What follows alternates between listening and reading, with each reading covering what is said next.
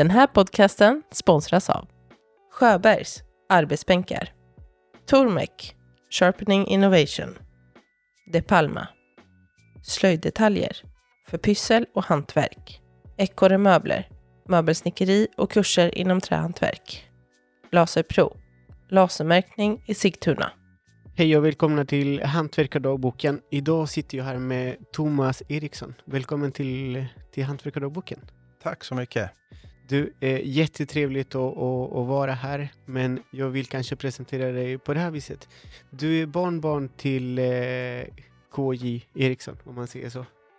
Ja, precis. Eh, det har funnits 15-20 olika knivtillverkare tillverkare i Mora beroende på hur man väljer att räkna. Ja. Eh, min farfar var inte först, men han eh, var en, den mest framgångsrika kan man säga.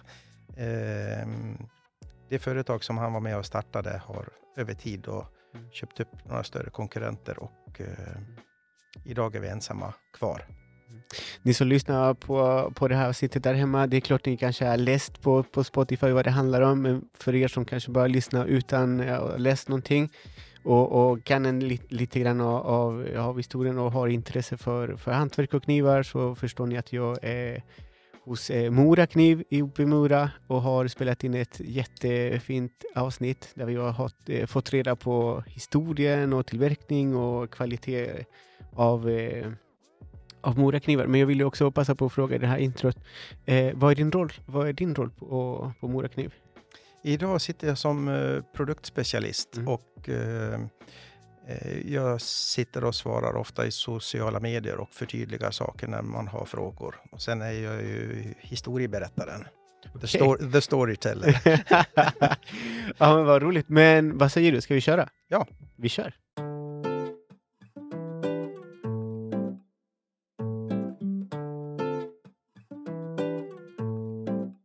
Thomas, välkommen till eh, Hantverkardagboken.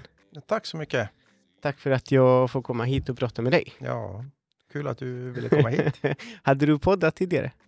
Eh, det är väl mer eh, Youtube-intervjuer ska jag säga. Okej. Mm. Ja, nu har du hörlurarna på en mick framför dig Mm. så kommer vi prata om eh, Morakniv. Ja. Du är barnbarn till eh, Krång-Johan Eriksson. Ja, det stämmer bra. Eh, jag har inte så jättemycket minnen av min farfar. Eh, Mm. Eh, jag föddes när han var 70 och han gick bort när han var 75. Så jag var, jag var fem Jaha. år gammal när han Ja. försvann. Då. Men eh, kan tänka mig en stor person i hela familjen. Givetvis. Och eh, jag, jag gissar att de flesta av mina minnen av honom, det är sånt eh, jag har sett i familjens Mm. fotoalbum och smalfilmer och liknande. ja, jag tänker, kan inte vi börja det här samtalet där? Ja. Vem var han? Eh, ja, jag skulle säga att han var väl eh, en entreprenör. Mm. Eh, han han eh, började i sin ungdom att jobba på Frosts knivfabrik. Eh, han jobbade ju på ackord där, alltså fick Mm. betalt per hur mycket han gjorde. Eh, han var ju tekniskt lagd och när det krånglade med någon sån här eh, motor som drev hela fabriken, det var ju en motor som fick allting att snurra i hela fabriken. Då. Mm. Eh, då, de ville att han skulle hjälpa till med det. Eh, då fick han ju gå ner på timpenning, höll på att säga, som var betydligt lägre. Han ville ju då ha betalt lika mycket som eh, maskinreparatörerna. Det där föll väl inte i god jord och han blev helt enkelt utslängd. Mhm. Eh, Från det här företaget som heter Frost? Ja, precis, precis, precis. Eh, sen provade han på lite olika andra yrken, bland annat eh, att jobba i skogen, men han hade inte fysiken för Mm. det då. Eh, så han tänkte emigrera till USA. Han hade mycket Mm. eh, syskon och kusiner och släkt som, Mm. som redan var där. Och, eh, men han tänkte, nej, jag ska prova det på det här med knivar innan jag Mm. flyttar dit. Och eh, han flyttade aldrig dit. För det, det, det gick vägen. Han startade då med en eh, kompanjon, eh, Lok-Anders Mattsson. Mhm. Och eh, Lok-Anders har ju berättat om att han, han, han var ju innovatören. Mm. Eh, och hade de talangerna. Då. Jag gissar att min, min farfar hade kanske mer eh, affärssinne för att eh, Mm. driva det vidare. Jag, jag har läst, eller sett det på någon dokumentär, jag har hört väldigt mycket om Ingvar Kamprad. Att han sålde tändstickor när han var liten, när han var bara lite, litet barn. Men din farfar gjorde något liknande fast med nå- något annat. Och då Ja. började man märka att han hade den här i sig. Pre- Precis. Eh, redan i väldigt unga år så for han till en, eh, eh, om det var en moster som hade café nere på Mora Mm. och eh, köpte bröd och bullar och cyklade runt i by, byarna och Mm. sålde. Så eh, det har sagts att vid sju års ålder så tjänade han lika mycket som en fullvuxen man gjorde. När han var, när han var Ja. sju, åtta år. Ja. Wow. Och det, det, var ju, det, var ju, det var ju ett sätt för honom att bidra till familjeförsörjningen rätt och slätt. För, för jag berätta någon ane- anekdot från min familj. Ja, för jag brukar kalla min, min äldsta son från entreprenören. Nu driver jag min, min egen verkstad, Ekorre Möbler. Jag har en verkstad ute på Vängarn i Sigtuna i Ja. Stockholm. Eh, och det, det har inte varit en lätt start, måste man erkänna och berätta för alla också. Men eh, det är roligt att se min son att han eh, brinner för att sälja saker. Han vill alltid sälja mina saker. Och det hela var när han var, skulle, strax innan han skulle fylla fem, så var han och, och, och Magda och, och Emilio som är, som är den, den minsta, de var på Mallorca.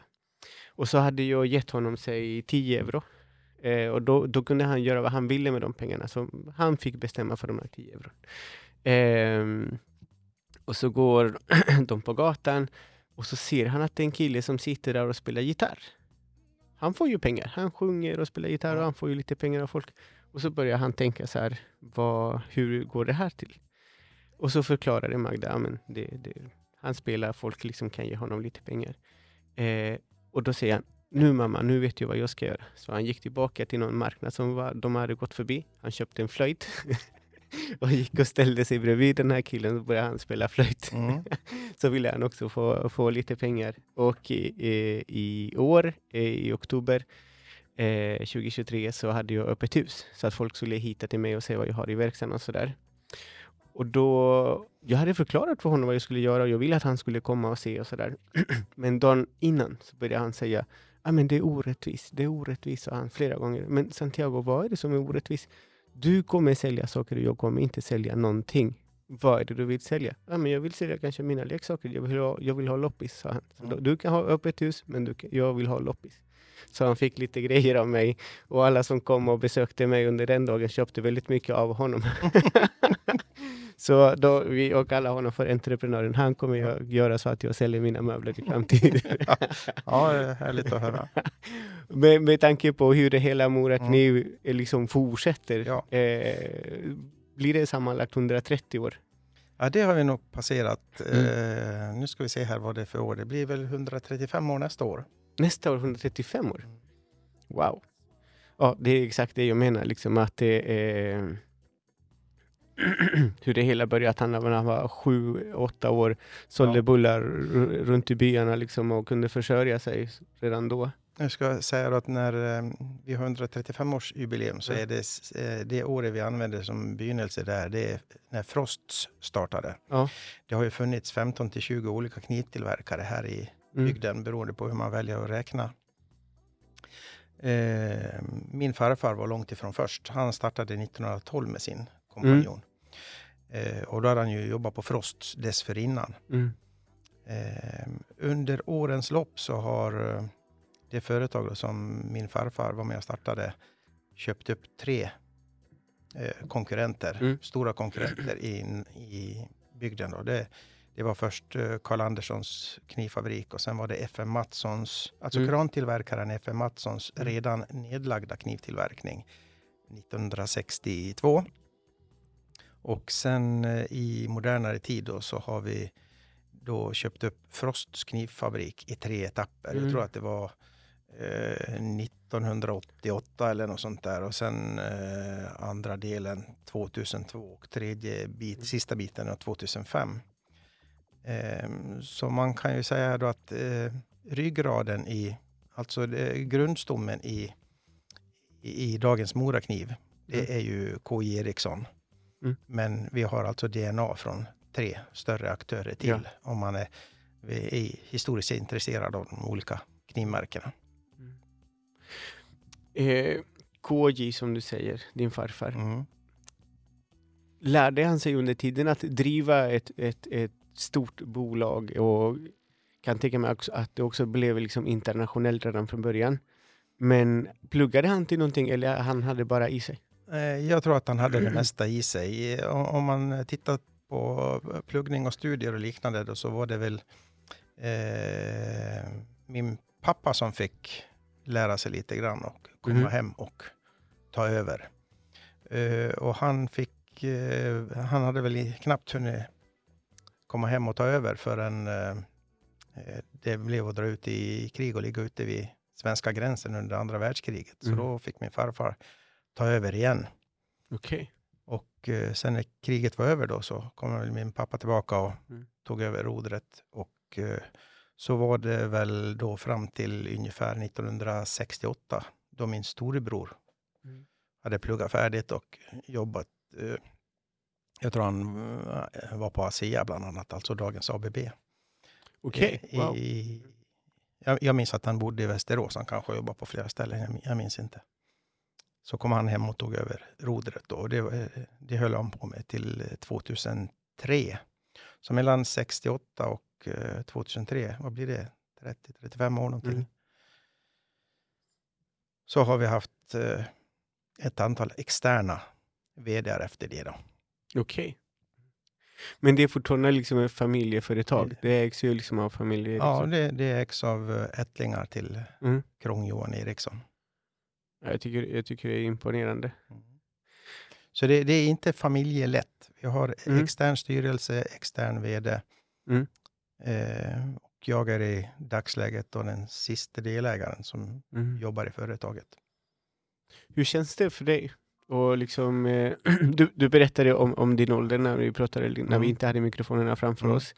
Eh, det är snart pensionsålder, Mm. men jag, tänker, jag tänker alltid kanske lite, lite eh, kanske på något sätt eh, em- emotionellt kan man också säga, men jag tänker så här, tänker du någonsin på, på att du eh, jobbar på ett företag som din farfar startade för så många år sedan? Ja, det tror jag finns med en hela tiden. Alltså, Mm. som, som jag har växt upp och eh, levt med det här så har man ju fått det med modersmjölken och man är, jag, jag är ofta alldeles för engagerad. Ja. Mycket mer än vad som är nyttigt, höll jag på att säga. Eh, sen har du ju det då med ett eh, familjeföretag att eh, eh, vi har inte så mycket släkt och vänner så att man kan tillsätta alla positioner från Mm. det hållet, utan man måste ta in extern hjälp och det är rätt länge sedan vi bestämde oss för Mm. det. Och eh, eh, jag och flera av mina Mm. eh, släktingar som jobbar i företaget har ju självmant valt att Mm. kliva åt sidan för eh, starkare krafter. Mm. Och, Finns och- det, finns det någon, någon yngre generation i er familj som är liksom insatt i, i, i Morakniv? Ja, nog, eh, eh, vi har ju både aktieägarrepresentanter Mhm. som sitter i styrelsen och eh, eh, jag skulle säga att eh, samtliga delägare är väldigt intresserade och engagerade. Mm. Sen eh, kan det ibland vara svårt att hålla den distans man ska göra för har man en extern styrelse, en extern vd så måste man också eh, klippa banden där så att säga och låta Mm. varje, Exakt. va, varje del där göra sin, sitt jobb. Jo, men ex- ja, jag förstår det. Jag förstår det. Eh, just det, jag vill... Eh, förlåt, men jag vill nämna det för er som eh, lyssnar på det här avsnittet att eh, avsnittet finns även på Youtube. Kanske inte just nu när ni lyssnar på det här, men annars så snart på Morakniv... Eh, vad säger man? Kanal säger man va? Eh, ute på Youtube. Så kollar ni, kollar ni in där så kommer ni kunna se inte bara den här filmen utan en hel del andra film, filmer både på svenska och engelska och olika torer och olika grejer där Jag kollade lite grann på kanalen och den, sen, den är väldigt fin. Den är väldigt fin. Eh, och för de som gillar att slöjda så finns det även en film med Jöge Sundqvist. Där Ja, han liksom använder eh, moraknivar för att tälja fram en, en slev. Kan man säga. ja. Mm. ja vi, vi har eh, en hel serie där. Jag tror att det är kanske en 15 avsnitt eh, som framförallt handlar om olika eh, grepp då, så att Ja. man har stadigt grepp om det man täljer och täljer på ett bra sätt och följer fiberriktningar. Och, Mm. och där finns det även eh, någon episod om hur man skärper upp sin Mm. kniv. Då. Mhm. Det, jag, brukar säga att det finns många, många böcker och det är klart man ska läsa de böckerna men sen så tror jag att allt liksom klickar när man ser en person göra det framför en och de här filmerna är väldigt användbara. Jag använder dem jättemycket i början för att liksom lära mig olika, olika handtag. Jag är liksom möbelsnickare men att tälja är nog ju något helt annat. Mm. Man måste ju tänka ju väldigt mycket hur man håller kniven och, eller ämnet i handen och sådär. Så det, det är viktigt. Eh, min fråga, just det, min fråga var om vi går tillbaka till början igen.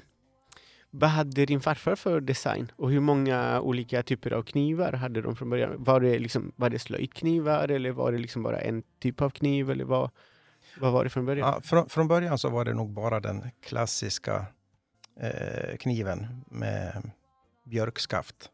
Mm. Som eh, någonstans runt 20-talet så blev den eh, röd. Eh, idag är det mycket, många som förknippar det med faluröd. Men från början så var det, var det en betsning som skulle få det att påminna om mahogny. För att, Ja, eh, lite exakt. ädlare träslag. Så att man kunde sälja det, få lite mer inkomst på, på kniven rätt och Mm. slätt. Eh, idag har vi ju delvis gått tillbaka till, till den tekniken med att betsa och Mm. klarlacka utanpå. Då. Ehm, däremot har de ju funnits i en mängd olika storlekar. Mm. Eh, runt tio olika storlekar från där man har ett eh, ganska mm, annorlunda räknesystem i storlekarna. Alltså det, det, det klassiska var ju att man har storlek nummer ett, det var ju den första. Och sen Mm. kom en lite större som var storlek nummer två. Mm. Och tre och så vidare. Sen ville man ha en storlek däremellan, så då blev det två och en halv. det känns som alla handhyvlar. Ja. Och sen om du går från eh, storlek nummer ett och standardstorleken och går neråt så heter de 1-0, 2-0, 3-0 och 4-0. Och de, både de här 3-0 och 4-0 var ju så kallade pennknivar. Mm. När förra seklet var ungt. Så om man gick i skolan så hade man inte pennvässare utan det första vuxenbeviset du fick det var ju att du fick en liten sån här pennkniv som du kunde då vässa Är det sant? pennan i. Jajamensan. Wow! Sen eh, levde väl den vidare, ska jag säga, som, nästan som souvenir i stor utsträckning. Ja. För den är ju Ja. väldigt liten, fin och trevlig. wow, det hade jag aldrig tänkt men det där visste inte jag. Ja, du kan ju tänka dig idag. Skicka med din sex eller sjuåring en kniv med till skolan. Tiderna förändras. Ja, men verkligen. Mm. Ja, kan du tänka dig? Liksom skicka små barn med, ja men det här ska du liksom vässa din penna. Ja, det var en väldigt stor sak. Så det, det var ju, om, jag skulle säga att om du råkade skära dig på din lilla Mm. kniv så var det ju ingenting man visade. För man var ju rädd för att man skulle bli fråntagen. Så man, man var väldigt försiktig och noggrann med kniven. Så eh, det hade nog också stor betydelse att man kunde börja tidigt. Mm. För det var allvarstyngt att få bli betrodd med en kniv. Wow. Eh, från från den, den kniven nummer ett och, och sen kom det liksom några siffror till, några olika Mm. modeller. Vart började liksom eh, bolaget ta vägen liksom i knivdesign och tillverkning? Var det mer åt, åt slöjdsidan eller var det mer åt liksom byggarhållet eller, vad, Ja, det- eller köks? Det, det kommer nog eh, senare. Jag skulle Mm. säga på att eh, kanske senare delen av 30-talet och 40-talet, då blev ju hushållsknivar mer Mm. etablerat. Och sen i, i modernare tid så har väl, i och med att vi har gjort väldigt mycket knivar till slakterier och sånt, så har Mm. man tappat den här köks och eh, restaurang... Eh, Ja. eh, ja, det, det man gör hemma eller i köket så att säga. Ja. Eh, Så det kom vi tillbaks med för, jag vet inte om det kan vara 5-10 år sedan, Mhm. med våran Classic 1891.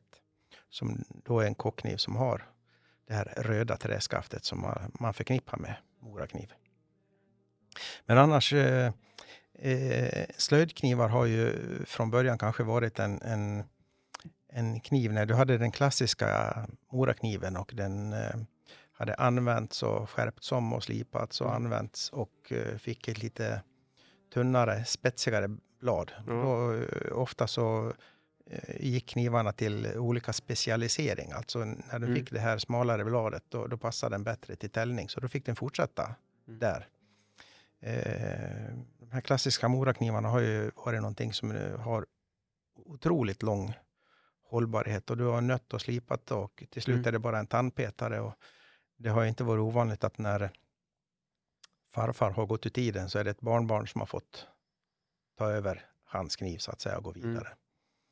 Och, och även då att eh, har du en större kniv, låt säga storlek nummer tre, och den börjar bli lite för mycket nedslipad, så då kanske den har fått gå till köket istället, där den passar bättre. Mm. Så, så från början så var det en standardkniv som fick byta sysslor beroende på hur mycket nött den var, helt enkelt. Om du skulle ta tre eller fem eller tio steg tillbaka och kolla på Morakniv liksom, som tredje person, mer som en, en kund. Vad, vad skulle du säga om Morakniv? Liksom, vad är kännetecken? Vilken kniv är kännetecken för Morakniv? Ja, det beror nästan på vad man ska prata om för era. För eh, när vi började med plastskaft i slutet på 50, början på 60-talet så gjorde man ju då plastskaften på sidan om och skaftade dem som om de vore ett träskaft. Eh, det är nog mer på, vad ska jag säga, eh, mitten på 70-talet eller när det kan ha varit som man började gjuta handtagen direkt på på tången. Eh, det blev ju en slags eh, revolution då. Och det användes ju då i väldigt stor utsträckning till eh, eh, byggfackhandel. Mm. Så det, det är väl en sorts, ska man säga, skifte när man gick från trähandtag till plasthandtag. Plast klingar ju inte så bra idag, men man ska ju samtidigt komma ihåg att den kniven höll ju så pass mycket bättre, så det finns alltså en, en stor hållbarhetsfaktor Mm. som man inte ska skämmas för där också. Vilken tid pratar vi om nu? Var det Ja, eh, när, när vi började gjuta på, när, när det blev stort, så det, det var i mitten, slutet på 70-talet och början Mm. på 80-talet, så blev väl det en, en, en sorts Men det känns eh, som att plasten, plasten hade tagit över världen på den tiden Ja. också. Ja, Ja, det var väldigt mycket möbler i plast och början på 80-talet då var det väldigt mycket. Det var det man skulle göra kanske. Ja.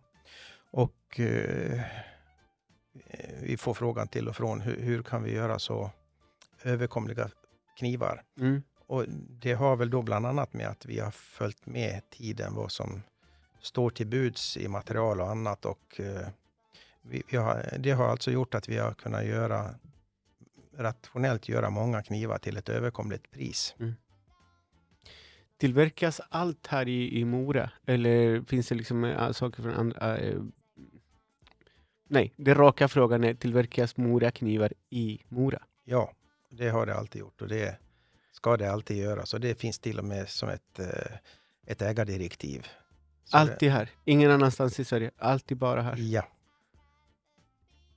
Aktieägardirektivet har inte alltid funnits, men Nej. det finns en, en lång tid tillbaka. Wow. Ja, det, det är imponerande för det känns som att ehm, nu, nu är det bara jag som drar en reflektion här, men det känns på något sätt när, när företagen liksom växer jättemycket och blir en, en, en känd varumärke över hela världen. Det är klart att ibland är det liksom eh, eh, svårt att hålla det hålla det liten liksom. Ja, Eh, som att det, man måste liksom ha en produktion som du kan sälja till alla dina återförsäljare i hela världen. Och det är svårt på något sätt att säga ja, men vi, vi har ju bara fabriken i Mora. Vi kanske, ni kanske skulle kunna ha tre olika någon annanstans, men ni Mm. satsar ju på, på, Nej, på det, liksom. det- Allt härifrån. Tillverkningen ligger här. Ja. Sen är det klart att vi köper komponenter, Ja. eh, ska jag säga, nitar och annat som Mm. kommer utanför Mora, Ja. givetvis. Mhm. Eh, men det finns väl en eh, ledstjärna där sedan länge också att eh, vi, vi försöker alltid köpa så nära vi kan av både etiska och praktiska skäl. Mm. Ja, men det är bra. Björken är ju också från... Eh... Ja, den är inte från Mora, den är från Jämtland. För ni har eh, massubjörk och så har ni liksom vanlig björk, eller vad Ja. man ska säga. Mas- kommer nog från Finland. Mm. Och sen så har ni börjat betsa några av eh, eh, handtagen. Ja, eh, vå- våra klassikknivar idag är ju betsade och sen är det en hårdvaxolja på det då för att inte det ska färga av om du blir blöt Mm. om händerna. Vet du hur många olika modeller ni har i sortimentet? Ja, det beror också lite grann på hur man eh, väljer att räkna, för, för det finns ju färgvarianter och förpackningsvarianter. Ja, ja, men vi exakt. brukar säga att någonstans mellan 600 och 800. 600-800? Ja. Wow.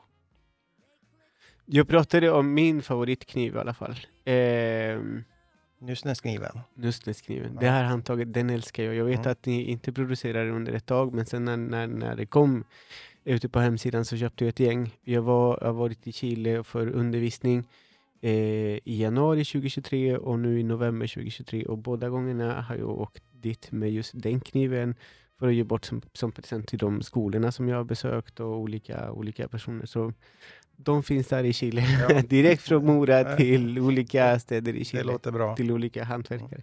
Ja, roligt, men du, jag har en, en, en fråga, för jag tänker så här.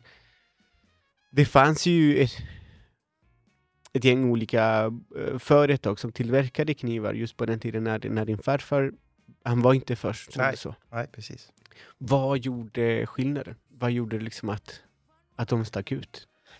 Eh, ja, eh, jag har ingen konkret svar på, på den frågan. Men framförallt då så ska man komma ihåg att det, det var ju i en annan tid. Eh, eh, du kanske inte hade den finansiella styrkan så att eh, ska säga, lokala järnhandeln här i Mora, de kanske tillhandahöll knivstål eller någonting.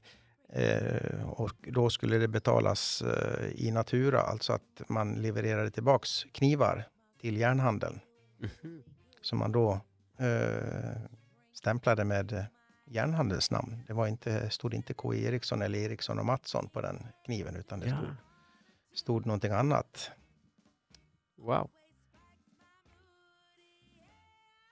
Jag tänker, ehm, hur många anställda hade, hade de då? Vet du det? Ah, Hur- hur många- När de började, var då, då var de bara två stycken. Så det var de som liksom var i produktion och ägde företaget och ja, drev, liksom ja, utvecklade och drev fram. Hur, hur många år var det så? Eh, det vet jag inte. Jag, jag tror att ganska snart så behövde man hjälp av, av någon. Så det, Mm. det kan hända att de tog in hjälp redan första året eller något av första åren. Det, det skulle Mm. jag tro. För det är så många tempon. Det, däremot så kan jag berätta att eh, min farfar var aldrig rädd för att gå ut i produ- produktionen och sätta sig. Mm. Och det, det finns flera berättelser om det, till exempel under eh, kristiden, alltså eh, i slutet på 20-talet, början på 30-talet, så eh, gick han gärna ut och satte sig och slipa eller någonting av de andra. Mm. Han kunde smida också. Alltså, han hade varit med och gjort det här från början, så han kunde ju alla tempon och han visste vad som var viktigt och angeläget i varje, varje etapp. Mm. Nu kom jag på en grej, för att jag, jag har sett olika filmer på, på Youtube från olika företag, olika knivtillverkare och vissa av dem har en liten eh, som en slipband eh, och där kan man ju liksom slippa sina knivar eller så har man en maskin som, som Tormek till exempel. På den tiden fanns ju varken det ena, eller det andra. Hur, hur gjorde de då för att slippa knivar? Ja, det, det var ju slipstenar. Eh, det har nog inte varit så jättemycket. Men var det liksom var det runda? Ja, runda stenar. Ja, okej. Ja. Och sen eh, givetvis då med mm, att eh, vattenbegjutning så det slipades kallt. Mhm. Nu, nu kommer jag på massa, massa grejer, så jag vet, ursäkta om jag ställer en dum fråga, men jag har sett i någon bild, jag tror att det är från Frankrike, att folk som slipade på knivar, de låg på typ en bänk Mm. på mage och sen så hade de det här liksom slip, eh, Ja, och stenen skiva som snurrar of, under. ofta en hund som låg och värmde ben och rygg. Ja men exakt. Mm. Var det likadant här eller hur gjorde man då? Eh, nej, eh, det har nog att göra med att man har nyttjat eh, vattenkraft och då har vattenhjulets centrum legat så pass lågt så du har inte kunnat haft en sittande ställning utan har fått ligga. Här Mm. har man i, då i, använt från början ångmaskiner och sen eh, råoljemotorer och, och liknande. Eh, så att du har haft en motor och då har kraften kommit uppifrån med en axel som har gått genom fabriken med remmar ner till varje maskin. Ja. Då har du Mm. kunnat sitta upprätt. Så det, det, det kan man nog säga då att jämfört med eh, de eh, knivtillverkarna nere i Europa så har de här i Mora haft en betydligt bättre arbetsställning. jo men det stämmer ju. Men så de knivarna på den tiden, de man slipade dem för, för hand. Ja. Så liksom en, en person hade ett gäng och din farfar också och Mm. började liksom slippa knivar. Wow. Och det, det syns ju också då på de här, om man har gamla knivbladsämnen så ser man ju även att eh, när de snid, smidde knivbladet så grovsmidde de med även äggvarvet så att inte det skulle vara så mycket att slipa. För det var, det var ju snabbare att smida till äggvarvet och ha lite mindre att slipa. Det, det var effektivare. Har du sett någon typ av dokument som din farfar skrev eller någon, någon medarbetare har skrivit om till exempel hur man skulle slipa knivar och vad man skulle tänka på i tillverkningen och så? Nej, det, det, det jag har sett eh, det är eh, något dokument som är nog från 30-talet när eh, vi ska köpa slipstenar från Mhm. Gotland, Gotlandssten. Ja. Och eh, en, en, en slipsten, en, när det är natursten så kan den ju vara mer fin eller grovkornig och sånt där. Ja. Och eh, talesättet var då att om en slipsten var lat, då avverkade den lite, så att säga. Den var väl för finkornig eller Ja. vad, vad det nu var för någonting. Mm. Och eh, där påtalar han då att han, han, eh, nu minns jag om han vill eller inte vill att det ska vara av det röda slaget. För eh, att bara titta på stenen så kunde man se hur lat eller Ja, okej, så de kunde identifiera kornigheten på, på stenen? Ja, Så. Och sen märktes det också när du använde stenar, speciellt när det var natur, natursten, att eh, på olika ställen i, i stenen så kunde den vara mjukare eller hårdare. Så till slut så blev den oval. Och, då, ja. och då måste du riva stenen så det blir rund igen. Och då har du en massa sten du avverkar som du inte har kunnat få slipa och göra nytta med. Så det, det, det, blev ju en dyr sten om du måste hålla på och riva den hela tiden. Jo, men liksom, man måste ju rikta den så att det Ja. alltid håller sig plan och sådär. Ja.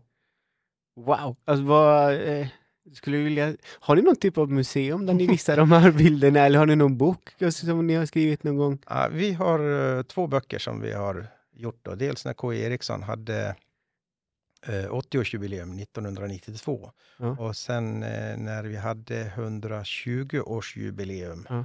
så skrev vi också en bok eh, som heter Från begrepp till varumärke som handlar just om att Morakniv då tidigare har varit ett begrepp men idag bevisat är ett varumärke. Varumärke. Mm. Internationell varumärke till Ja, till och med. Wow. Finns de här böckerna någonstans som man kan få tag på dem? Jag är i alla fall superintresserad av att köpa dem. Ja, eh, jag menar att vi har eh, i alla fall någon av böckerna i butiken, Mora Concept Store, som är nere på, i centrum i Mora på Gå- Gågatan. Kan du berätta lite grann vart vi är och vad det finns liksom av Moraknivar här i, här i Mora? För att nu är vi i, i, fabri- nu är vi i ett showroom. Ja, Det är här vi är. vi, Men, vi är i, källaren på ett eh, mötesrum då, som även är utställningsplats så att säga, Mm. i, i Östnorr. På Bjäkenbacken som delen av byn heter. Mm. Eh, strax utanför Mora. Där, så fabri- fabriken är 100 meter härifrån. Kan vi gå och titta på det sen? Ja, det ska vi gå och Yes. titta på. Mm. Yes! jag, jag, jag berättade ju för dig innan vi började spela in, men, men eh, att kalla en person för nörd i den här podcasten är det finaste komplimangen man kan få. Men jag är ju en erkänd nörd och jag frågar liksom om det mesta och det är klart jag gillar liksom eh, ta reda på så små detaljer. Det, jag vet att det finns massor med hemligheter där vissa saker får man inte fota och sådär. Men det är alltid roligt att se och få reda på hur det hela började, hur det har utvecklats vad, och visionen för framtiden och vad man gör idag. Det är, på något sätt det, det är beundransvärt att man behåller liksom eh, sin som jag försökte sälja förut, liksom när man blir kanske internationellt varumärke. Det är lätt att tappa bort sig lite, men på något, det jag ser som, också som, vill jag säga, också som invandrare, jag som har bott i Sverige i 21 år, ser jag ett företag som Morakniv som en del av den svenska kulturen på något sätt. Det, och det, det, är roligt, det är jätteroligt för mig att vara här och få reda på liksom historien. Ja. När du berättar om, om din farfar, när du berättar om, om din pappa, din eh, äldre bror till exempel, hur familjen har eh, bedrivit företaget. Ja. Ja, vi, vi är, eh, skulle jag säga, väldigt förankrade i, i bygden och eh, när, när det är goda tider och man anställer folk så är det ju roligt och när, när det är sämre tider och man ska skicka iväg folk, det är ju andra sidan av samma mynt så att säga, eh, så är ju det väldigt trist och eh, då känner i alla fall jag att man har kanske onödigt stort socialt ansvar eller medkänsla. Mm. Eh, för vi lever så nära varandra och jag skulle säga att alla som jobbar här är ju en del av Moraknivfamiljen. Ja. Likväl som eh, alla våra knivanvändare där ute är också en del av Moraknivfamiljen. Mm. Jag ställde samma fråga på ett företag som eh, Tormek som fyllde nyligen eh, 50 år. Jag ställde samma fråga hos Sjöberg som eh, de är 101 år gamla. Men förstår folk från Mora innebörden av Morakniv? Liksom på något sätt. Jag vet att det finns andra saker som drar hit folk som eh, Vasaloppet och så, men Vi är nog lite hemmablinda, det, det, det, det tror så? jag. Ja. Eh, och det märks också på, på andra saker som till exempel eh, allt från eh, miljöansvar och resursansvar. Ja. Eh, jag har eh, utländska säljkollegor som tycker att vi är alldeles för dåliga på att tala om hur att vi ver- verkligen lever som vi lär. Alltså när man går förbi här ute på fabriksgården så står det alltså stora eh, skräpcontainrar. Men det står en för rostfritt stål, det står en för kolstål, det står en för blandskrot, det står en för brännbart, det står en för plast som ska återvinnas och så vidare och så vidare. Och så finns det också sånt inne i fabriken. Eh, när man till exempel slipar knivar så eh, du slipar ju bort stål. Det blir ju som ett stålmjöl ja, i, i slipvattnet. För vi, vi måste ju sli, eh, kyla kniven så inte den blir överhettad. Ja. I det här stålmjölet, och speciellt när man använder rostfritt stål, så är det ju 10-15 procent krom. Krom är en tungmetall. Mm. Eh, tidigare så har vi fått betala för lämna det på deponi. Mm. Idag så har vi ett slutet system där, eh, där vi filtrerar och tar ut den här eh, ja, slipgeggan, jag vet inte vad jag ska kalla det, Mm. eh, och eh, gör briketter. De här briketterna säljer vi idag. Det finns ingen eh, malm i världen som innehåller så mycket krom som, som de här Ja, briketterna exakt. eller puckarna vi gör. Ja. Eh, Så den, den köps då av återvinningsföretag som Mm. eh, ska återvinna kromet. Nu ska jag väl säga att eh, vårt reningsverk där, det, det kostar mer i drift än vad, vad vi får för de här eh, briketterna. Å andra sidan så slipper vi betala för deponi. Men jag skulle Mm. säga att den största Det, vinsten... åter, det återanvänds ju. Ja, Ja. den största vinsten är ju att, att det inte går ut i naturen, höll på att säga, på, på Mm. fel sätt och att eh, det, det är cirkulärt, det återanvänds. Mm. Och, det, och vi kan då sträcka på oss lite grann och ta, tala om att vi lever faktiskt som vi lär. Ja, det fint. Jag, kan, jag kan ju tänka mig liksom, ju större företag, desto mer ansvar måste man ju ta Mm. för miljön och för anställda och för liksom det mesta. men det, det här är roligt, men eh, jag känner mig riktigt, riktigt stolt i, i mitt lilla snickeri som är på 60 kvadratmeter. Eh, jag brukar alltid samla liksom, maskinmaterial på en, en, en, en påse eller en, liksom, en jättestor eh, låda. Ehm, och sen eh, massivt trä i, i en Ikea-påse. Mm. Så där brukar jag kasta det och sen när den börjar fyllas, liksom kommer liksom ungefär upp, så tar jag en bild på det och så eh, har vi en eh, chatt i, i, för de som är medlemmar i Sigtuna Golfklubb. Det är ett gäng som vi spelar golf på onsdagar. Eh, så jag brukar posta en bild på, ja det finns, eh, det finns ved brukar jag skriva Mm. och den första som nappar kommer till verkstaden och hämtar påsen och tar med sig en påse. Så de lämnar en påse och de med sig hem eh, en hel Jag, kan kasse med ved kan man Ja. säga. jag, jag, jag kan ju säga där också att eh, eh, Moraknivens eh, Linda, alltså eh, Mm. Vagga, eh, de, kniv, de företag som började göra knivar började Mm. inte med kniv från början, utan de gjorde timmerdoning, alltså så kallade timmerkälkar, som du då var i skogen på vintern i slutet på 1800-talet för att ta timmer ur skogen. Nu, nu eh, måste du förklara och berätta lite grann. För, vad tim, timmerkälkar, vad, vad är det för Ja, det, det med häst och släde så tog man alltså ja okej. Nu tog, tog, man, ja. tog man alltså timret ur skogen för att kunna köra det Ja. till ett sågverk eller där du skulle timra ett hus eller vad du nu skulle göra Ja. med timret. Mm. Eh, här norr om Dalälven så har vi inte de här hårda träslagen som ek. Nej.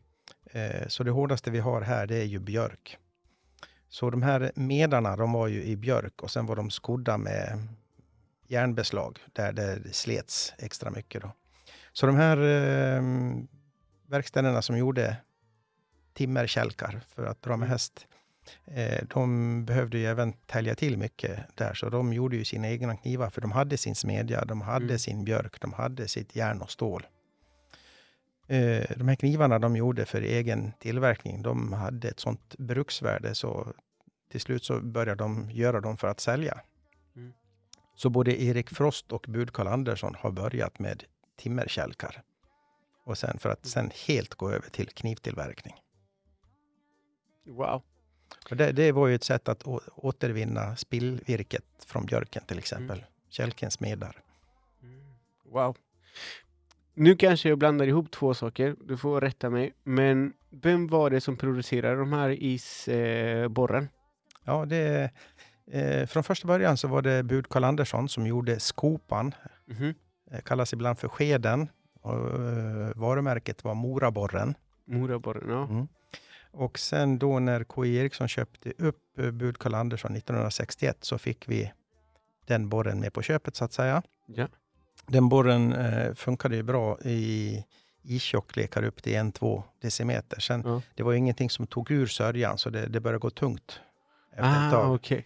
ja. Så eh, jag tror att det var finländarna som var först med att sätta på en spiral så att man eh, hade transportskruv. Exakt. Och eh, jag tror att det kan vara någon gång i mitten, på, mitten slutet på 60-talet som vi satte på transportskruv också. Och eh, fick upp sörjan ur, ur hålet. Och eh, det har ju varit en stor nisch för, för K. Eriksson i många, många år. Och en del av framgångsfaktorerna där var ju tack vare att många av våra medarbetare var ju hängivna isfiskare och visste hur olika isen kan vara och förstod vad som var Mm. viktigt. Och eh, när de var ute och fiskade på fritiden så testade de också och förstod skillnaderna och vad man måste förbättra. Mm. Och eh, nu vet inte jag, det är väl någonstans mellan fem och tio år sedan som vi sålde vår isborrstillverkning till finländska Rappala. Är det sant? Ja, så att eh, till för ett år sedan så tillverkade vi isborrskär, men det, det slutade vi med till nyår 2002. Då. Wow. Så vi, vi har hållit på med, med skär, en vital del till isborren, väldigt länge. Många år efter att vi sålde isborrstillverkningen för övrigt. Wow. Det, här- det här visste inte jag. Mm. Wow, vad, vilken, vilken grej. Och sen att det liksom blev en grej från Mora och nu är det Rappare som är också jätte, väldigt känd varumärke Ja. inom fiske. Mm. Wow. Nu är det dags för reklam.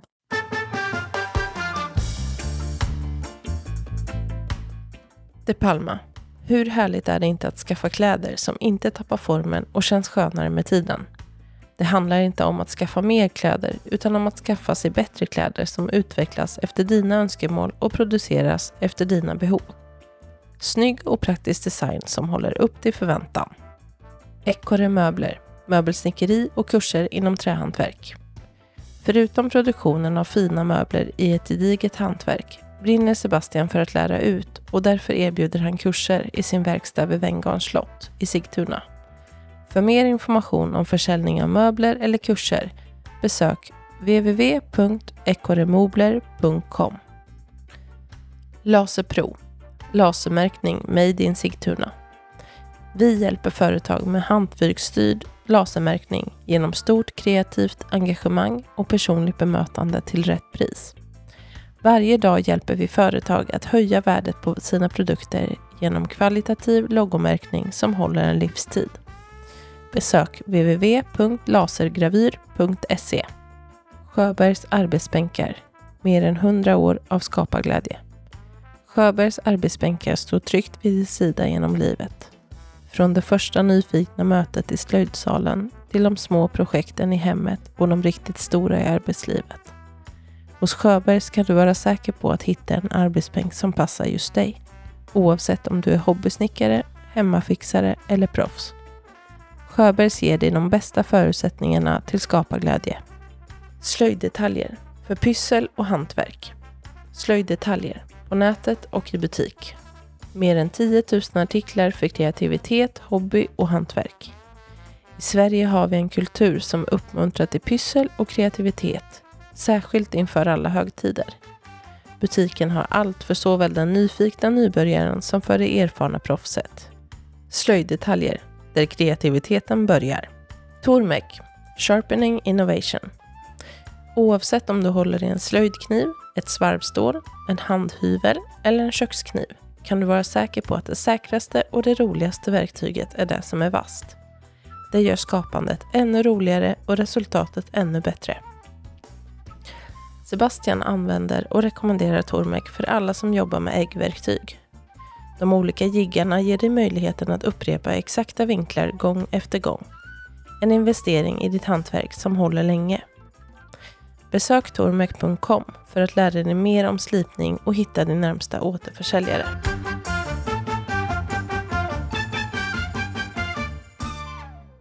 Under de här, det kanske finns ett dokument. Eh, och du är väldigt insatt i liksom historien av Morakniv och så, men om man tänker kanske så här, första, andra eller tredje året, vet du hur många knivar de producerar då? Har du någon nå koll på det? Eh, nej, eh, Frost började ju... eh, De, de har ju startår eh, 1889. Men jag tror att man kanske inte gjorde knivar förrän 1891 eller någonting. Och sen har jag sett en siffra på, jag kommer inte ihåg exakt år, men säg att det är 1901 eller 1904. Då gjorde man 19 000 knivar på ett år. 19 000 knivar på ett år. Ja. Idag så gör vi mellan 15 och 20 000 knivar på en dag.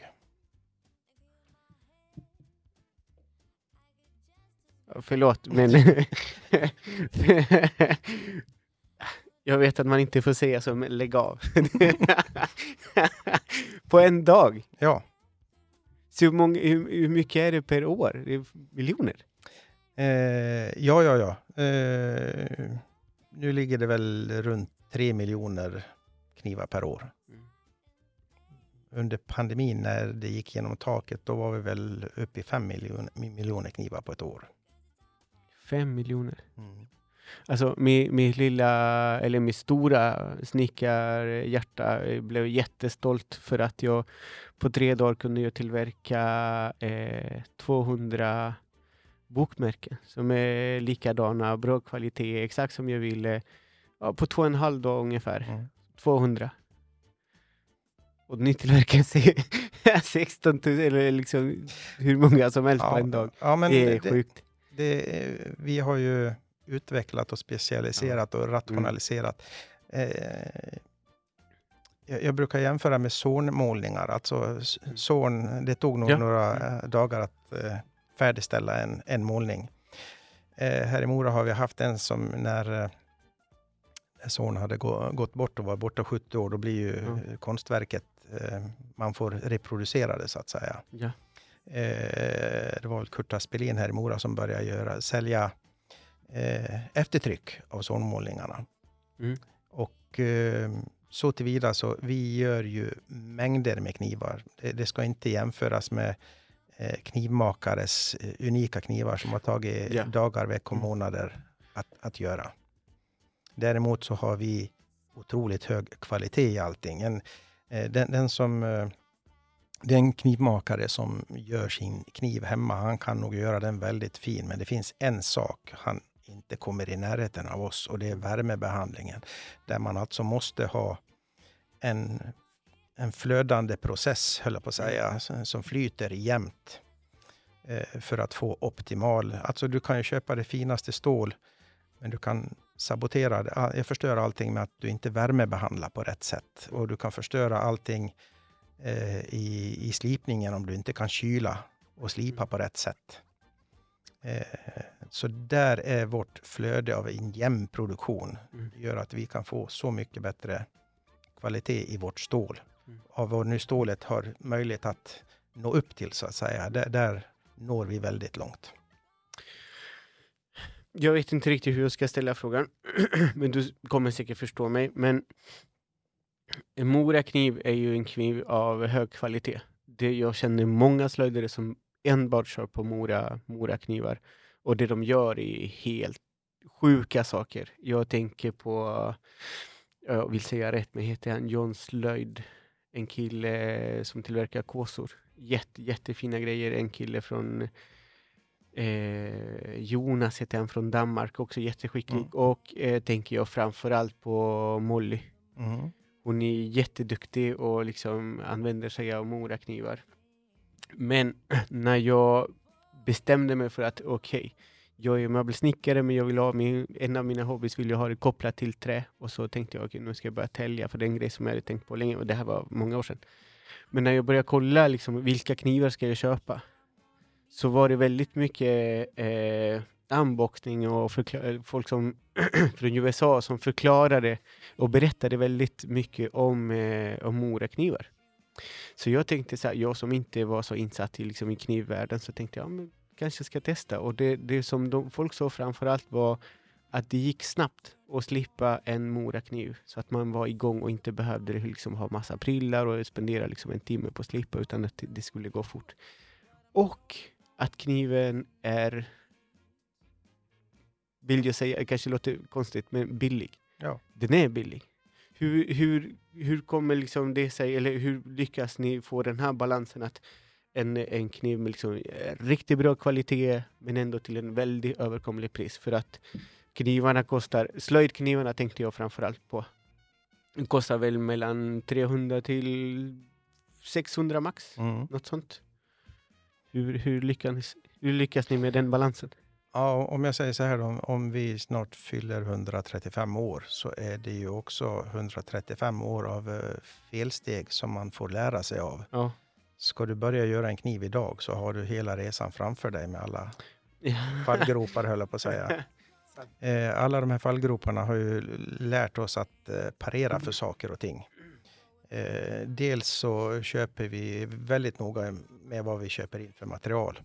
Och sen har vi ju rigorös kontroll i alla led vad vi gör med produkten så att ingenting ska gå fel. För saker och ting har ju gått fel och vi har lärt oss att vi måste styra upp det här om det här ska funka. Mm. Så eh, bra råmaterial och eh, kunniga, duktiga medarbetare. Alltså, tittar du i produktionen idag så finns det väldigt gott om robotar. Vi, Ja. vi, vi är eh, förhållandevis robottäta idag, men vi har också eh, rent manuella handarbeten på, på, på jobb. Alla knivar med träskaft skaftas till exempel Mm. Manuellt. En, del säger att robotar är bra, de eh, vabbar inte, de eh, ska inte ha semester eller någonting annat. det ligger väl en sanning i det, men eh, jag har aldrig sett en robot som har kommit med ett förbättringsförslag. Vi Nej. måste ha Mm. innovativa, duktiga, kluriga medarbetare som kan hjälpa oss framåt, för annars kommer omvärlden och kör förbi. Fint sagt. Mm, Fint sagt. För att det, det är klart, det, liksom, det går ju mycket fortare med robotar, men eh, de... De kommer aldrig med ett förbättringsförslag. Ja, men exakt. Jag kan tänka mig att de här förbättringarna är ju liksom både för produkten och i produktionen, hur Mm. saker och ting ska göras. Vad har ni för, eh, vad säger man, åldern i, i, i fabriken av alla anställda? Vet du det? Eh, nej, det vet jag faktiskt inte. Eller om jag får fråga, fråga så här, den yngsta och den äldsta? Eh, ja, de äldsta ligger nog på eh, 68 tror jag. Wow. 68 Ja. år. Eh, de yngsta kanske är 20. Wow! 20, Så 23. det finns den åldersspan i... Oh, oh ja, oh ja. Wow. Ja, vad häftigt. Jag är superpepp på att gå in till och se tillverkning och fabriken. ja. Och jag- är glad över att se hur eh, en stor majoritet är väldigt stolt av att vara en del i, i det hela. Och Ja. Hur många anställda har ni, har ni idag? jag tror att det är runt 130. 130 personer. Hur många av dem är det som jobbar i produktion? Mm, nu är jag lite dåligt påläst här. Eh, vad skulle jag säga? Eh, Minst 100 då i alla fall. Ja, 100, exakt. 110 kanske. Och resten jobbar ju liksom med allt som man... Ja, Ekonomi ad- och marknadsföring. Administration, säljning. Alltså vi, vi, jag har ju kollegor som bor ute i världen. Ja. ja det, det är häftigt.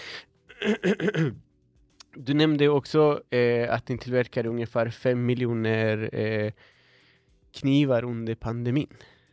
Ja, Eh, per, per år. Ja. per år, Mm. per år un, under, under, pa- under pandemin. Jag tänker ju liksom på, på två saker. Eller vilka typer av knivar var det ni sålde mest? Det var ju väldigt mycket outdoor och även en hel del slöjd. Eh, eh, folk hade väl tråkigt och eh, fick väl lite lappsjuka i sina bostäder och lägenheter och ville gå ut i naturen. Och eh, jag ska också säga, när, när, när du täljer, det, det har nog en eh, eh, det är nog bra för psyket skulle jag säga. När jag själv sätter mig och täljer så man försvinner ju bort. Jag tror att på något vis så får hjärnan möjlighet att samla tankar och du, du försvinner ner i ett djup. Det, är nog för många handarbeten oavsett om du stickar, virkar, täljer Mm. eller Ja, målar eller vad du Mm. nu gör för någonting. Eh, så jag, jag tror att eh, det, det spelar oss i händerna lite grann Mm. där. Ja, Men det, det, det är ju jättebra när folk går ut i naturen och får lite frisk luft och inte bara sitter inne höll jag på att säga. ja. Och även täljer lite grann och mår lite bättre. Det där kan jag bara hålla med om. För att jag, jag brukar tälja när barnen sover. Mm. Då brukar jag sitta på min stol och liksom tälja fram grejer och gör ganska mycket i verkstaden och sen så brukar jag avsluta dem hemma. Mm. Och det, gör ju, det där gör jag för, för mig själv. Det är ingenting jag säljer i princip. Jag lär ut en del. Men eh, jag brukar ge bort dem. Skedarna som jag tillverkar till familjen, till kompisar eller liksom så här. Ska jag vara på semestern och så, så brukar jag ta med mig någonting och tälja där under tiden. De ser hela processen och sen så lämnar jag den där skeden där oavsett till eller skål eller vad det kan vara. Mm. Det känns som att folk får, eh, får en annan förståelse för saker och ting då. Ja. Att det här har Sebastian liksom från en träbit med en yxa och typ tre, fyra olika knivar så har han liksom täljt fram det här och lämnat Mm. det här för oss. Det är roligt. Det är Ja, liksom det en, jätte, jätte, en jättefin, jättefin känsla. Jag vet flera som refererar till täljningen som en sorts meditation. Ja, jo. Jo, ibland eh, åker kniven liksom i fingrarna. Mm. det är en annan typ av meditation. Men eh, jag kan ju bara hålla med om det. Liksom det. Jag tänker inte på något annat, eller jag tänker inte på så mycket när jag sitter och täljer. Jag Mm. som... Eh, om, om, man ska, om jag ska berätta någonting om mig, jag har ju svårt att, att sova. För jag tänker för mycket hela tiden och det och det här och det andra. Och nu när, när jag är i den punkten jag är i mitt liv att jag har bestämt mig för att driva eget företag som inte alltid är så enkelt och ibland så är det svårt att folk hittar till mina kurser eller hittar till mina produkter och sådär och det är klart man tänker mycket men sitter jag och täljer så är det liksom kanske det är det enda jag tänker på. Mm. Så det jo, lite, väldigt mycket meditation finns det i det liksom på något sätt. Att hitta, hitta tillbaka till lugnet. Um, du nämnde lite grann eh, knivtillverkare, liksom de som gillar att tillverka knivar som, som hobby. Mm. Det går ju att köpa era blad också. Ja, precis. Så de kan man ju köpa loss och skaftet kan man ju liksom eh, tillverka själv. Ja. För ibland det finns många slöjdare som gillar lite längre skaft, har jag, har jag Mm. märkt. Och personer som Molly till exempel, som jag nämnde precis, och bara täljer, liksom karvar i själva skaftet. Ja. för det, det gör väldigt många. Ja, det, eh, om man tittar på eh, handtagen till eh, slöjdknivarna så är de ju ofta lite väl tilltagna för att eh, ge möjlighet till grepp och så. Då. Men, men även eh, eh, har du lite mindre händer så är det ju Mm. bara att mönstra upp den som du själv tycker. Ja, exakt. Mm. För att få lite bättre det, det, det finns material att ta av om du vill minska handtaget så att säga. Exakt. Ja, jag, jag som sagt, jag, jag älskar de andra knivar också, men jag föredrar det här Nussnäskniven. Mm. Jag älsk, älskar den kniven. Ehm, för att, ja exakt, där kan man ju liksom dekorera skaften, man kan ju köpa lös bladet liksom med, med moraknivskvalitet och så kan man ju liksom göra sin egen kniv av de där. Ja, det, det är häftigt. Vet du vilket land är det ni exporterar mest knivar till?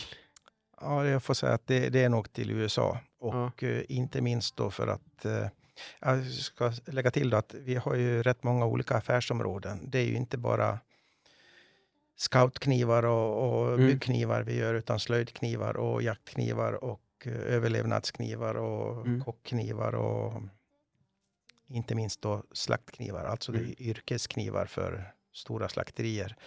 Eh, så ni, ni har en, jag måste säga, ni har en väldigt enkel eller lätt att hitta på er hemsida.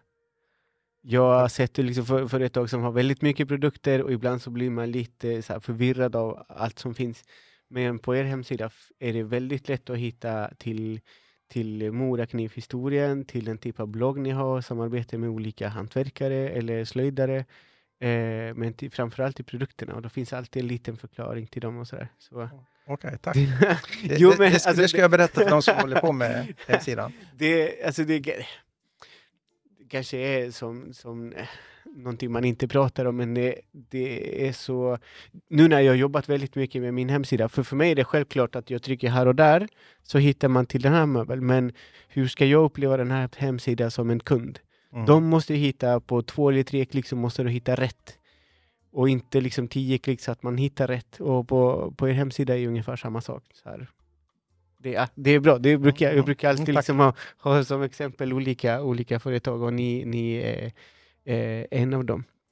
Men jag tänker, knivarna har ju utvecklats även under tiden. Men ni, om jag, jag pratar väldigt mycket om slöjdknivar. Jag vet att ni har så mycket, så mycket mer. Men om vi fortsätter på det spåret, ni har ju pratat med två olika slöjdare, med Jöge Sundqvist och eh, Bett Moen. Bett Moen, Mm. eh, för att utveckla knivar. Hur gick det, det samarbetet och, och när var det? Eh, ja, senaste gången så var det nog när vi höll på att uppdatera våra skedknivar. Mm. Eh, för att få dem att fungera så bra som möjligt. Mm. Eh, vi jobbar ju, när det är knivar då som eh, har sina entusiaster och slutanvändare, då, då vill vi gärna ha någon form av ambassadör som är kunnig och framstående där, som vi kan även, som dels eh, ja, visar och pratar för vår sak, men även hjälper oss att utveckla och tala om att det här måste vi tänka på, det här måste vi förbättra. Så då, eh, det är ju inte svårt alls. Det är bara att eh, jobba med, med produkten i fråga och sen eh, fråga vad, vad, vad är det vi ska förbättra här?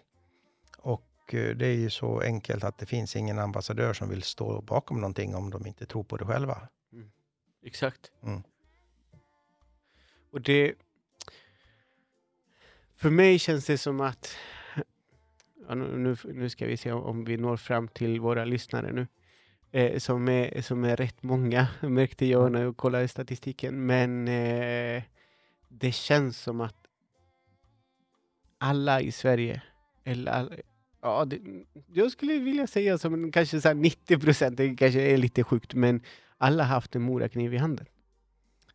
Ja, det ska jag tro att det är. Och alla vet vad en morakniv är. Jo, men exakt. Mm. Det, är inte det lite sjukt? Ja, det, det, det är en tanke som värmer, i alla fall för mig. jo, men alltså hur många miljoner är vi i Sverige nu? Säg 10 Ja, miljoner. ja. Alltså uh, nio och en halv Mm. har ju haft en, en morakniv i handen. Den första kniven man fick i slöjden. För, för jag växte inte upp här i Sverige så jag hade inte, inte den, den möjligheten. Men eh, mina barn kommer få det och syrrans barn som är lite äldre, de har ju fått det i slöjden. Mm. Det känns som att de flesta i Sverige har ju haft en, en på ett eller ett annat sätt en morakniv i, i familjen. Liksom. Ja, det, det är ju som en del i Sveriges varumärke. Jo, men exakt. För det, vad kallas det för när man får en, en eh, är det hovmästar... Det är någonting från, som kommer från typ eh, kungen. Ja, ja, vi, vi är... ehm, Eh, när man tappar jag ordet här. Jag, jag minns inte vad, vad det heter, men det är när man är så leverantör till, eh, Ja, till så- hovet. till hovet. Det, Mm. det är stort. Ja, det, det känns bra. Eh, kungen har ju många slott och herresäten och det Mm. måste ju underhållas hela tiden, så de använder rätt mycket av våra knivar. Kunglig hovleverantör heter det. Så heter det, ja exakt, tack. ja, men det, när, när, när blev det här? Det kan vara många år sedan. Eh, ja, nu ska vi se här. Jag relaterar en del saker till vilken vd vi hade då. Då hade vi Mm. Fredrik Skarp. Och då måste ju det nästan ha varit då, är det 1900, nej, tw- 2015 till 2020, nej, det är 2010 till 2015. Då hände det. Nå, någonstans där då. Eh, jag skulle säga 2013 eller någonting Mm. sånt här då. Blev Wow. kungliga hovleverantörer. Vilken grej. Eh, det skulle vi nog, om vi hade tänkt på det så hade vi nog kunnat få bli det tidigare. För de har ju Mm. i alla tider använt våra knivar. Ja, jo men exakt. Det, jag har sett det på, på um, dokumentärer och sådär. Utan att det hade någon koppling till Morakniv. Så när, när vissa kungafamiljen och kungen som liten och kanske står och Mm. liksom täljer en pinne Mm. och så känner jag igen man på en gång så, ah, men det där är ju Morakniv. ja men det, det ja, jag tycker det är häftigt att, liksom, att få reda på liksom eh, resan. Ja. Det är inte alltid liksom det rakaste vägen men det att man har lyckats. Att man liksom eh, blir som ja, svensk varumärke, liksom en del av liksom, svensk kultur Mm. på något sätt. Det känns som att det, jag vet inte om, om, om jag uttrycker mig rätt nu, men det, det är väldigt folkligt på något sätt. Det är liksom eh, när, man, när man pratar om, om, om traditioner eller om presenter, någonting som är typiskt från, från Sverige, tänker man ju också, också på en morakniv. Det får vi också ofta höra att vi är en del av. För eh, mycket av det svenskaste kommer från Dalarna. Och Ja. eh, mycket av det kommer även från Mora. Alltså, vi har ju dalahästar och Mm. allt möjligt och Vasaloppet och allting som går Ja. i mål här. Och eh, vi har ju, eh, vi lever ju i en sorts symbios med dalahästen för varenda Mm. dalahäst är ju täljd med en av våra knivar. Skulle precis säga, de har ju moraknivar. Ja, ja, det, det är riktigt häftigt. Ehm, så det var i USA, det landet som ni kanske exporterar mest till. ja, Och er försäljning, liksom, om, om ni, är det väldigt mycket i Sverige eller, liksom, eller till resten av världen? ja, det är uppemot 75 procent. Alltså det, det, det är minst två tredjedelar, kanske tre fjärdedelar export. Wow! Så 75 procent är liksom... Ja, och till eh, stora delar av världen. Vi har inte många vita fläckar på kartan. Wow! Det är, när, när börjar ni lyckas med det? Liksom? Är det liksom, eh, var det redan från början att ni började exportera väldigt mycket eller var det något år som du tänker på under det här årtiondet så, så hände det väldigt mycket? Eh, ja, man ser det där på, om, om man tittar på de här olika knivstämplarna som det som har varit stämplat på bladet som olika knivtillverkare haft. Och så någonstans 1920-1925 då, då kommer tillägget Sweden, alltså om det står firmanamnet Mora för dess, dessförinnan. Då. Så efter 1920-1925 då, då står det alltså Mora Sweden. Och det är för att eh, exporten blir så pass betydande. Sen har den nog alltid haft en stor del, men kanske inte så stor som den har haft de senaste 10-20 åren.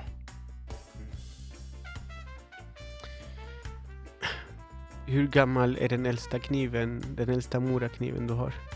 Ja, jag skulle gissa att den är från 1910-1915 någonting. Så över 100 år? Ja. Wow, och vad har den för stämpel? Den har en Eriksson och Mattsson. Så, så det Du, du har pratat... ni- 1912 till 1918 då kan man säga. Wow.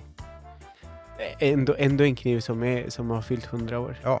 Eh, men jag, har ni en samling på de här knivar från, liksom från, från början till, till, till dagens, om man säger så? Har ni, har ni liksom så här, för det, hur många stämplar har det funnits? Oh, det har funnits m- 50? många. Ja, det, det, jag, jag törs inte säga ett eh, antal. Och vi har ju samlare som är ute efter som kategoriserar och katalogiserar de här olika stämplarna. Eh, så det har funnits en mängd över tid och sen mängd olika tillverkare. Och olika alternativ. Vi har en samling, en rätt stor samling. Däremot så har vi inget knivmuseum. Det är väl lite grann... så eh, samlingen är privat? Ja, eh, företaget har en samling. Jag har också en samling. Det, Ja. det har nog alla som har jobbat inom företaget, höll jag på att säga. Men eh, bruk, vet du om det, om det förekommer att det, att det, eller att det kommer knivar ute på auktion och sådär med liksom Oh ja. äldre, Oh, oh ja. äldre stämplar och så? Oh ja. Vad, vad går de på?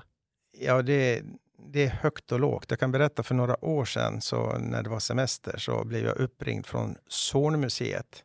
Ja. Vi har en eh, kniv som Anders Zorn har designat. Han har gjort eh, ett eh, dussintal och gett, ut, gett bort då som relationsgåva. Det är den kniv som finns på Zorn-statyn.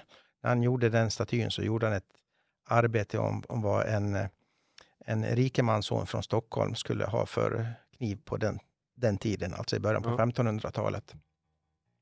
Sen lät han göra eh, ett antal knivar. Då. Alla är, eh, påminner om varandra men är individuellt, har skillnader så att säga. De är individuella. Eh, då hade det kommit ut en, eh, en eh, kniv på en auktion på Stockholms auktionsbyrå. Ja. De hade eh, lagt en, eh, den som en morakniv och sen la de till några finländska knivar för att de skulle kunna ta 4 eller 5 tusen för den som en samling.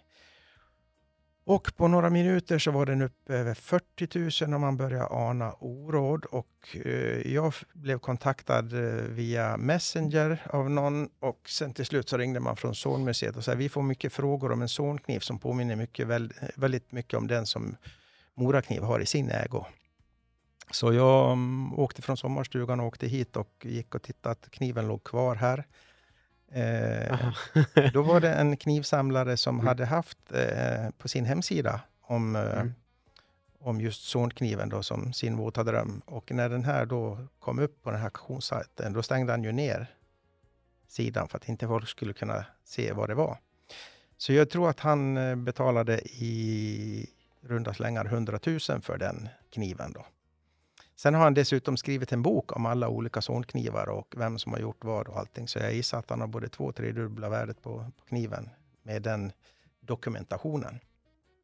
Wow! Mm. Vad- vet du vad, vad den boken heter? Ja, den, eh, vi, har en, vi har den boken här. Jag tror att den kanske till och med finns att köpa i, i knivbutiken. Så du, men, jag vet att boken är du menar att jag ska åka hem med tre böcker? Ja, ja det, det är en eh, trevlig historia om, om just Zornkniven. wow, så det, det händer att knivarna kommer liksom på auktion? Oh ja, oh ja. Och det, det är väl ett extremfall med så mycket. Men Ja. eh, det är många kniv, fina knivar som går mellan 5 och 25 000 kronor styck. Det, det är inte alls speciellt ovanligt. Wow! Wow, du berättar, kan inte du berätta igen? För du, du, du nämnde en grej innan vi började spela in om att någon i din familj hade hittat en, en KJ. Ja, det, det var min eh, storebror som eh, när han hade väl pluggat färdigt, kanske gjort militärtjänst och sånt där då innan han skulle börja jobba så var han eh, på någon solsemester nere på Capri tror jag det var med några bekanta. Och eh, de bodde väl inhysta hos någon familj där och eh, blev ombedda att hjälpa till och städa ur någon källare eller någonting. Och där hittade han en KI-kniv och det tyckte jag han var rätt kul. Då. Det här var väl gissningsvis i tidigt 1960-tal. Mm. Och han kom hem och berättade för vår farfar att han hade hittat en sån kniv där på, på Capri. Varpå min farfar då myste och, och sa, jag tänk att de hittar runt och vart det upp till alla håll och kanter i världen. Wow. Så han, han var rätt stolt över att den hade tagit sig dit. Och det finns flera liknande historier. wow. Ja, men det, det kan jag tänka mig eftersom ni börjar också exportera rätt så tidigt. Så de här äldre knivar som kanske går på, säg 30 000, Mm. då kanske finns i något, något hörn i, i andra länder, Oh, liksom, ja. i, ute i världen. Mm. Sådär. De, de äldre knivar tänker jag på. Ja. Ka- Kanske här i absolut. Sverige har man mycket bättre koll på vad det var. Men Ja, då, kanske det- inte utomlands. Jag jag skulle säga att eh, i, i gamla hus, eh, källare, eh, snickarverkstäder, eh, i fäbodar, Mm. eh, det sitter i härbreknutarna och uthusknutarna och Mm. eh, vid, vid öppenspisen och allting så finns det väldigt mycket fina gamla knivar. Wow, som kan vara värda en slant. Eh, det, det, jag vet eh, folk eh, som, utomlands som åker hit bara för att gå på loppisar och leta morakniv. För Är där, det sant? ja, Så det, det är en grej egentligen? oh ja, oh ja, och på loppisar så är det ofta knivar då som de som säljer har kanske inte riktigt koll på vad de börjar få för samlarvärde idag. Wow. Det, är- Ja. det är ett bruksföremål. Så det är det man ska göra på sommaren? Ja. Ut och, ut och leta efter moraknivar på loppis. Thomas, jag, jag vill verkligen eh, tacka dig för den tiden du har tagit dig för, för att prata med mig, för att spela in det här samtalet. Men jag har två frågor för att, för att börja avsluta, avsluta samtalet. Men vet du vilken modell eh, som ni har i sortimentet är den som sälj, säljs mest? Eh, ja, när det kommer till antal så är det ju då en eh, lite mer eh, lågprisad kniv och det, det är Basic 511 som i antal. Basics 511. Ja, Jag, ska, jag, vet, jag har inte det, det modellen i huvudet, men jag ska kolla lite grann här Ja. bakom dig sen och se vilken, vilken modell det är. Eh, så det, det, är inte, det är inte en slöjdkniv, utan det Nej, är nej. en annan typ av kniv. eh, det finns två knivar som kommer eh, Mm. som god två och trea. Ja. Och, eh, vi har ju den klassiska Mora 2000 som alltså är eh, en jakt, eh, frilufts, vildmarkskniv. Som jag tror den lanseras 1991. Och det är nog den i särklass mest sålda jaktkniven i Skandinavien. Så den mest sålda jaktkniv i Skandinavien är en morakniv? Wow. ja, ja, det är klart, jag, eh, det finns ju liksom en stor och självklart anledning varför jag, jag ville komma hit och vilja spela in det. Men jag, efter det här samtalet är jag bara mer, eh, mer och mer imponerad över, över Eh, allt du berättat. Trea där sku, skulle jag gissa att det är en, en filékniv för livsmedelsindustrin. Som, som, som till 95 procent går till USA. Jaha, wow. Mm. Så det 95 procent, så den säljs inte så mycket här i Sverige. Nej. Vad är det för filékniv? Ja, det är en eh, filékniv som har ett bra ergonomiskt grepp och den finns med, med fyra olika mm, ska säga, flexibilitet på bladet. Det, det är samma geometri, kontur på den, men den har alltså slipats eh, Så, så tvärsnittet är lite olika längs kniven. Så det, den finns från styv till extra flexibel. Den extra Mm. flexibla den klarar, klarar till exempel 90 graders böjning och går tillbaka och är ra- rak. Det det, riktigt? ja, det, 90, 90 grader? 90 grader. Det var det enkla Wow. testet. Det svåra testet är att den ska klara 45 grader plus minus 60 000 gånger. 60 000 gånger. Mm. Wow. Och det gör... Den, här kniven måste jag se. Den måste du visa för mig. Ja. Eh, hemligheten där lite grann är att eh, vi har ett väldigt eh, bra rostfritt stål, Mm. svenskt rostfritt stål, som vi då värmebehandlar efter konstens, rigoröst, Mm. efter konstens alla regler och sen är väldigt noga när vi slipar så att inte vi får någon eh, överhettning när vi slipar eller Mm. någonting. Eh, då kan vi få fram. Och eh, när, när det gäller den här tåligheten, då skulle jag säga att eh, vi är världsledande och det finns ingen tvåa, trea, fyra. Så pass bra så att slakt, en del slakterier, när de har använt den i en viss tid, så säljer de den, har ett andrahandsvärde, så de säljer till mindre slakterier. Och inte minst, då, det, det sämsta som kan hända, eller värsta som kan hända för en livsmedelsproducent, det är till exempel att en slaktkniv går av om man, man ehm, inte hittar spetsen Mm. och det kommer in och barnmat. Alltså det skulle vara förödande för. Mm. Ja men exakt. Eh, alla knivar går av förr eller senare om de får böjas tillräckligt mycket, men våra klarar sig så mycket längre så att slakterierna har lägre försäkringspremie om de använder våra knivar. Wow. Wow, jag är helt så här. jo, men alltså att det är en produkt, att man har gått... Okej, Okej, jag tar det här som exempel. Jag berättade för en liten stund sedan att jag kände mig så eh, stolt och gick som, som en tupp när jag liksom räknade ut att det är ungefär 200 bokmärken som jag tillverkar. Och jag tänker så här, eh, längre in på ena, på ena kanten så ska det vara smalare så att inte förstöra boken och sen så ska jag fräsa en, eh, en radio på andra sidan så att boken liksom hittar till varandra, liksom, eller så här, bladen hittar till varandra så att den här är inte så invasiv i boken och förstör boken och sådär. Och det är klart man tänker på så, många, så mycket detaljer där och att det är en produkt och det är gjort i trä och det är gjort för hand. Men att till exempel eh, som du berättar, liksom, den här kniven klarar av så pass mycket så att liksom, försäkringarna och grejer också påverkar ju liksom ett, Mm. ett, helt, ett helt hantverk, liksom ett Ja. yrke. Beroende på vilka kniv man använder sig av och att ni har tagit er tid att utveckla just en sån kniv. Det ja, wow. Jag är helt eh, ja, imponerad, Mm. så vill jag säga. Ja, tack. Thomas, har du någon... jag brukar alltid fråga om någon typ av eh, rekommendation om du har. Det kan vara allt kopplat liksom, till hantverk eller företagande. Det kan vara något så här, företagande tips, det kan vara en produkt, det kan vara en utställning, en eh, hantverkare, en kniv, butik, vad som helst. Vad du tänker att du skulle vilja dela med dig med alla som lyssnar på podden. Uh en bok kan också, kan också vara, vi har pratat om flera böcker. Eh, är man intresserad av eh, knivar eller historia så finns det väldigt mycket spännande historik. Och i, dels i våra böcker men även Mm. eh, vi har så många eh, i sociala medier. Allt, eh, vi har våra Facebookgrupper och Mm. Instagram och Youtube. Det, ha, har du produkter som når en slutanvändare, alltså vi skiljer ju på eh, business to business, alltså slaktknivar är i huvudsak business to business så att säga. Eh, när du kommer, kommer till slöjdknivar och till outdoorknivar så har du en slutanvändare som är entusiast. Mm.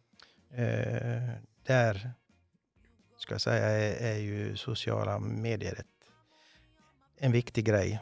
Mm. Eh, ur många aspekter. Dels för att bli känd, men inte minst också för att få återkoppling. Och hur, du ska ju försöka göra din, din mojäng bättre imorgon. Då måste du få återkopplingen från de som använder det. Vi är ju duktiga knivtillverkare, men det är inte alltid vi är knivanvändare. Vi måste lära oss av våra användare för att kunna förbättra våra produkter. Ja, men det är bra. Och också väldigt bra tips tänker jag för alla som jag som vill driva företag. Att Mm. inte bara att liksom tillverka saker utan man måste ju ta reda på vad, vad behovet är om man vill ta fram en väldigt Mm. specifik, specifik produkt. Och om du nu tillverkar någonting så skulle jag också säga att du måste förstå en del saker och värdera ditt eget jobb. Mm. Eh, om du nu gör någon eh, möbel eh, och sen tänker du att jag har plöjt ner x timmar i det här och jag måste Mm. få tillbaka pengarna. Då, då siktar du alldeles för lågt. För i nästa skede så kanske du ska sälja um, dina möbler i en eh, möbelaffär. Mm. Då måste möbelaffären ha utrymme. Exakt. Det handlar ofta om mellan 30 till 40 procent. Ja, ja, ja. ja, Oh, ja. Och ehm, skulle du bli ännu mer framgångsrik så du ska ha en distributör Mm.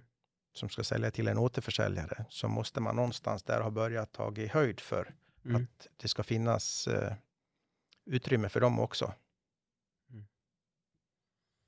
Ja, det är väldigt mycket att tänka på som, Mm. som företagare. Vad man ska göra, vad man ska investera, när man ska investera och på vad. Ja, Eh, det är inte helt fel att bara sälja på, på webben för då har du inte mellanhänderna. Exakt. Men har du tagit det beslutet och eh, fått en eh, prisnivå som är svår att ändra på, Mm. då, då eh, är du fast där. Det behöver Mm. inte vara fel. Mm. Men eh, det är ju så svårt att säga hur världen ser ut om fem eller tio år. Jo, exakt. Du Thomas, tack igen för att du har tagit dig tid och, och tagit eh, emot mig. Ja, Eh, tack här. för att du ville komma hit. för mig var det självklarhet. Det var liksom bara en, en fråga om tid när det skulle ske och nu eh, händer det. Eh, Ja. Jätteroligt. Eh, jag åkte eh, lite sent från, från Stockholm igår, kom till ett hotell här i Mora. Eh, tack för det vill jag säga. Ehm, gå upp tidigt på morgonen, äta frukost och komma direkt till, till Mora Kniv och kunna se snart, eh, eller höra väldigt mycket om, om er historia och er, er dagbok och, och se snart eh, produktionen. Det, det här är riktigt spännande. Så jag tackar alla lyssnare som gör att podden lever vidare och att eh, podden gör att jag kan resa runt lite grann i Sverige och ta, mycket, eh, ta reda på mer om ja, svensk kultur och, och hantverk framför allt. Eh, ni som lyssnar på den här podden där hemma, kom ihåg att ni kan titta på podden, eller på det här avsnitt. Det, det har eh, spelat in både ljud och bild, så ni kan kolla på Youtube, Mora Kniv eh, kanal på Youtube, där kan ni kolla. Eh, eller så har ni bara lyssnat på, på det här samtalet. Kom ihåg att följa på Hantverkardagboken på Instagram. Det är det enda sociala medier vi, vi har. Eller podden har. Eh, och så finns det på Spotify där man kan eh, följa och betygsätta podden. Så än så länge när jag kollade förra veckan så hade vi betyg 4,9 av fem möjliga. Så Det, nästan, det låter bra. nästan den stora silvermedalj om det skulle vara ett SL-prov. Mm. eh, Thomas, återigen tack så hemskt mycket och alla ni som lyssnar, vi hörs snart. Hej då! Hej då.